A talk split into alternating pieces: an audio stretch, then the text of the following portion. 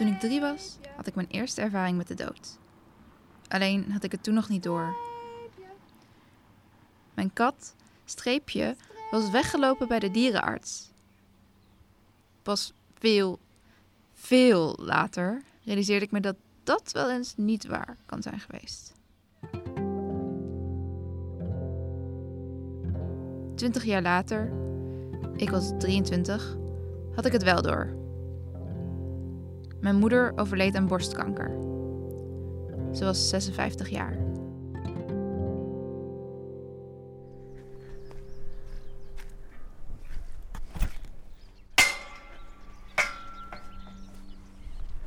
Ik heb het rondje 100 miljoen keer gelopen. Dijk op, dijk af, over de Zomerdijk naar de Waal. En zeker het afgelopen jaar met corona, toen uh, was ik mijn scriptie aan het schrijven hier. En uh, heb ik het echt elke dag gelopen. En soms dan denk ik wel eens terug aan de laatste keer dat ik hier met mijn moeder liep, zes jaar geleden. En dat was met mijn moeders as. Toen we die gingen uitstrooien. En ik mocht de as dragen. Ik weet niet of jullie weten hoe, uh, hoe je as thuis krijgt. Maar wij kregen dat in een of andere kartonnen container thuis. Um, en dat vond mijn vader niet handig om dat zo te vervoeren. Dus wat hij deed, is hij had het overgegoten in een, uh, in een lege wasmiddelfles. Zo'n grote met zo'n handvat eraan. Dus ik droeg mijn moeder in die lege fles wasmiddel. En ik weet nog dat ik het heel dat ik de as heel zwaar vond. Dat het best wel een gekke gewaarwording was. Maar ja, natuurlijk is dat ook best zwaar. En zit er natuurlijk ook een hele kist bij. Die dan ook verbrand is. En eigenlijk, ja, liepen we het rondje dat mijn moeder ook altijd liep met de honden. Dus dan vond het wel een mooi idee om het daar uit te strooien. En dan na 10 minuten lopen ben je er bij de Waal.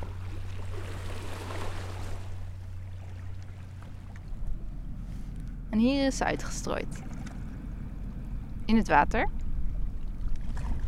Ik weet niet of dat mag eigenlijk.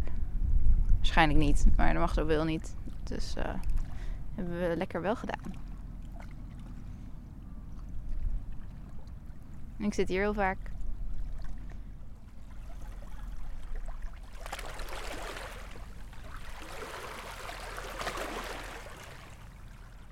Hoi, ik ben Wijke. Ik ben nu 29 en mijn moeder Ida is alweer zes jaar dood. Als ik naar mijn leven kijk, zie ik het overlijden van mijn moeder als een, een kantelpunt, een, een breuk. Een ervoor en een erna. Ik hield ontzettend veel van mijn moeder en ben ook heel lang super verdrietig geweest om haar dood, nu nog steeds. Maar vooral in het begin heb ik me heel eenzaam gevoeld, omdat ik niemand echt kende die ook jong een ouder had verloren. Nu is het alweer zes jaar geleden dat Ida overleed. En ik ben me altijd blijven afvragen: hoe doen andere mensen dat als een ouder overlijdt? Hoe rouw je precies en hoe doe je dat goed? Maar ook, hoe ga je verder als degene waarvan je houdt er niet meer is? Dit is de podcast Erna. Gemaakt door mij, Wijken van Koolwijk. Over hoe het is om je ouder te verliezen als je zelf nog jong bent. En vooral over wat erna komt.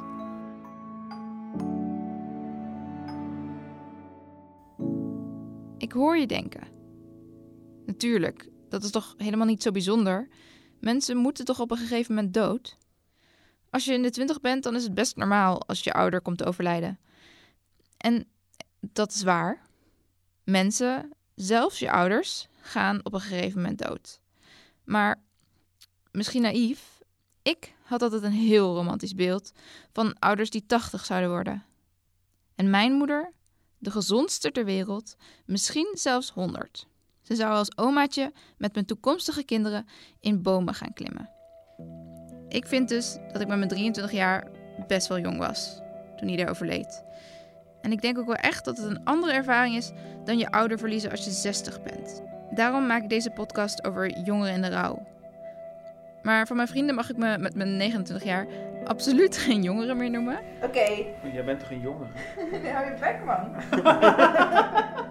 Nou ja, goed. eh, het zijn misschien geen jongeren, maar ik heb voor deze podcast mensen geïnterviewd die tussen de 18 en 29 jaar waren toen hun ouder of ouders overleden. Maar die hoor je in de volgende afleveringen. Misschien is het goed om bij mezelf te beginnen. Mijn moeder heet Ida. Ik heb haar altijd zo genoemd, niet mama of zo. Ida zei dat het handig was dat als me bij de speelzaal en alle andere kinderen mama riepen, ik Ida riep.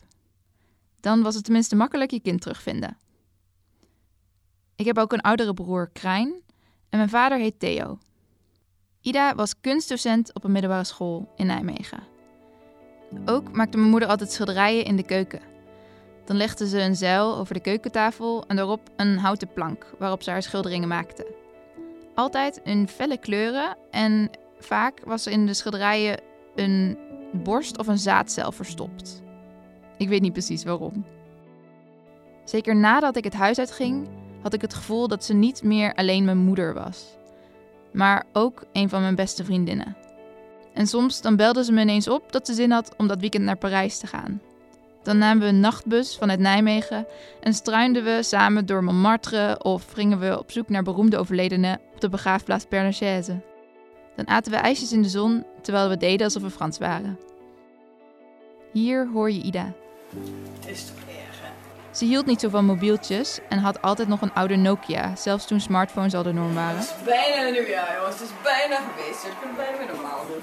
En omdat ik ook niet zo'n grote filmer ben, heb ik bijna geen filmpjes van haar.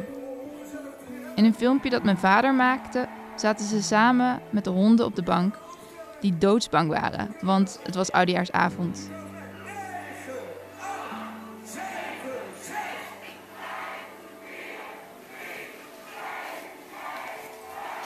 Hey! Gelukkig nieuwjaar, hè? Heel goed, ja. Toen ik dit filmpje terugvond op een oude camera, heb ik de hele middag gehuild. Ik snap toch zitten.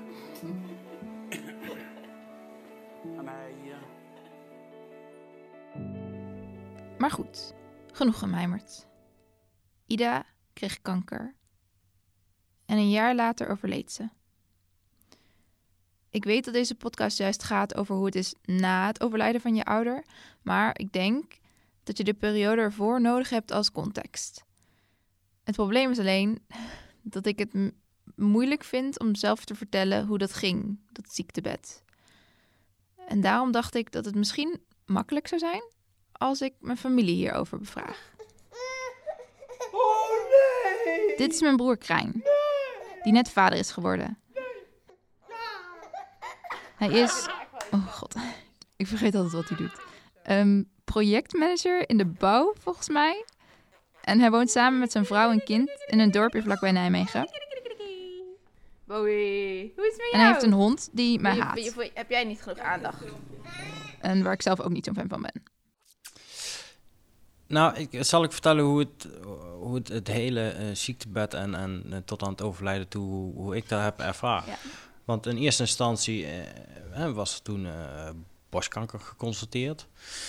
En daar was ik enorm van geschrokken. Alleen, Ida was ook wel best wel eh, ja, die, strijdvaardig. En ik zijn gelijk begonnen met alle behandelingen en noem maar op. En dat heeft een jaar geduurd. En je zag wel dat ze dan echt gewoon eh, hele slechte dagen had. Maar ook dat het uiteindelijk wel steeds beter werd.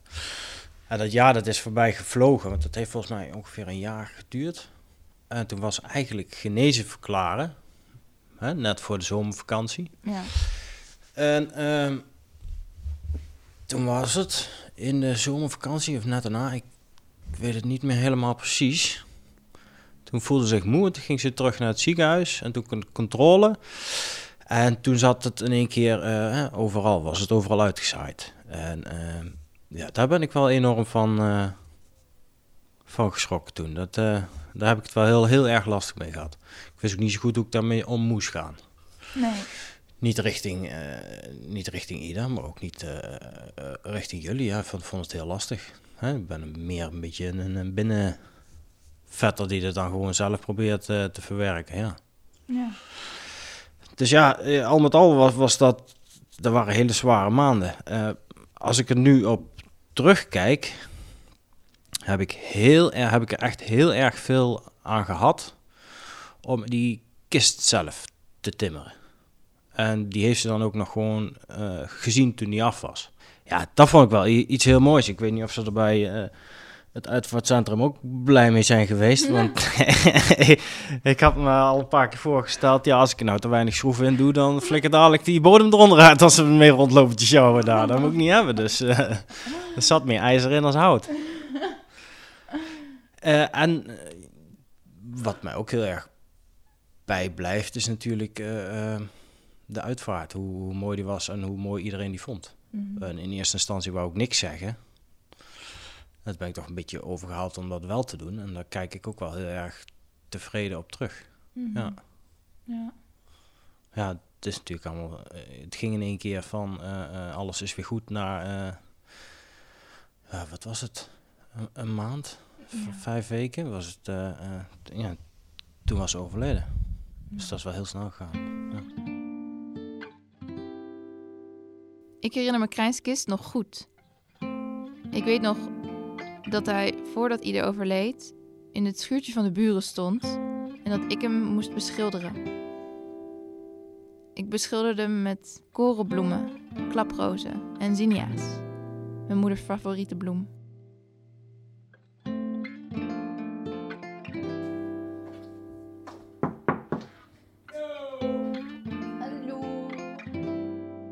Ook mijn vader wilde best geïnterviewd worden. Het is begin corona als ik hem een microfoon onder zijn neus douw. Meter afstand. Ja, dat kan wel. Of kan dat niet? Ja. Of waar word je het zitten? Mijn vader is een grote man die soms heel erg kan bulderen. Een oud schooldirecteur. Maar waarvan ik weet dat hij ook ontzettend lief is. Hallo, hallo. Hallo, Je spreekt het mannetje van de radio. Ik merk dat ik hem nauwelijks over Ida durf te vragen. En, en, en denk je, want ik, ik, heb, ik maak deze podcast een beetje omdat ik zelf het met Ida best wel, voor mijn gevoel, best wel zwaar heb gehad. Ja. Ik kom niet uit mijn woorden. In de afgelopen anderhalf jaar heb ik heel veel anderen gesproken die ook een ouder hebben verloren en die super openhartig waren. Maar als het over mezelf gaat, als ik over Ida wil praten, dan voel ik mijn keel dichtknijpen. Ik krijg het niet uit mijn strot. En ehm, heb je, hoe heb je, hoe heb je dat bij, bij- met ons ervaren? Van, eh, hoe vond je bijvoorbeeld dat ik het toen deed? Toen Ida was overleden.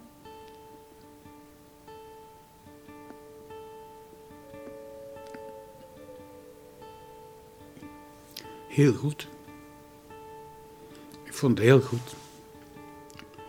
Ja, die, die, eh, die herinnering eh, aan die periode, die, eh, ehm, ja, die, die blijft gewoon.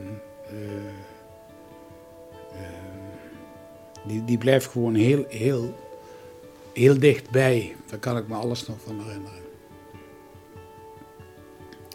En ehm, ja, ik heb heel veel beelden van eh, zoals jij daarmee omging. Hoe je ieder troostte, hoe jullie elkaar troosten. Hoe je heel dicht bij elkaar was altijd. Ehm, ja, gedragen door iedereen eigenlijk. Hè. Ik vond met name die gemeenschappelijkheid. Die was kostbaar. En ehm, je bent daarin dus ook heel sterk geweest. Heel sterk. Alle dingen die, eh, die we vroegen, of, die, of, of je dat wou doen, de kist schilderen en, en eh, ook eh, die hele PowerPoint maken en dat soort dingen. daar heb je natuurlijk gewoon je vreselijk doorheen gedouwd. En dat heb je gewoon hartstikke goed gedaan. Um, en wat ik me later altijd afgevraagd heb, en heb ik toch nog wel eens een keer ook nagevraagd. Van, uh, ja, heb, je, heb, je er, heb je je verdriet genoeg kunnen uiten? Heb je er genoeg mee gedaan? Daar ben ik altijd wel bezorgd over geweest, zowel bij jou als bij Krijn. Uh, en dat weet ik ook niet. Ik heb het ook nog wel eens een keer vaker gevraagd. Mm. Kort gevraagd, zo aan de ontbijttafel of wat dan ook. Ja, dat... Dan gaf je altijd aan dat het wel ging, hè. En dat deed het ook. Maar hoe ging het nu echt, toen de begrafenis eenmaal voorbij was? En wat zijn de ervaringen van anderen? Dat hoor je in de volgende afleveringen van Erna. Deze podcast is mede mogelijk gemaakt door donaties van mijn vrienden en familie en door Stichting Stimuleringsfonds Rauw. Als je wil reageren, dan mag dat. Leuk. Stuur dan een mailtje naar podcasterna.gmail.com of stuur me een DM op de Instagram van Erna. En als je het goed vond, like het dan of zoiets in de podcastfeed. Kennelijk is die dan beter vindbaar voor anderen. Deze aflevering is gemaakt door mij, Wijken van Kolwijk, met super welkom advies van Stef Visjager. Muziek is van Kriekenleemte.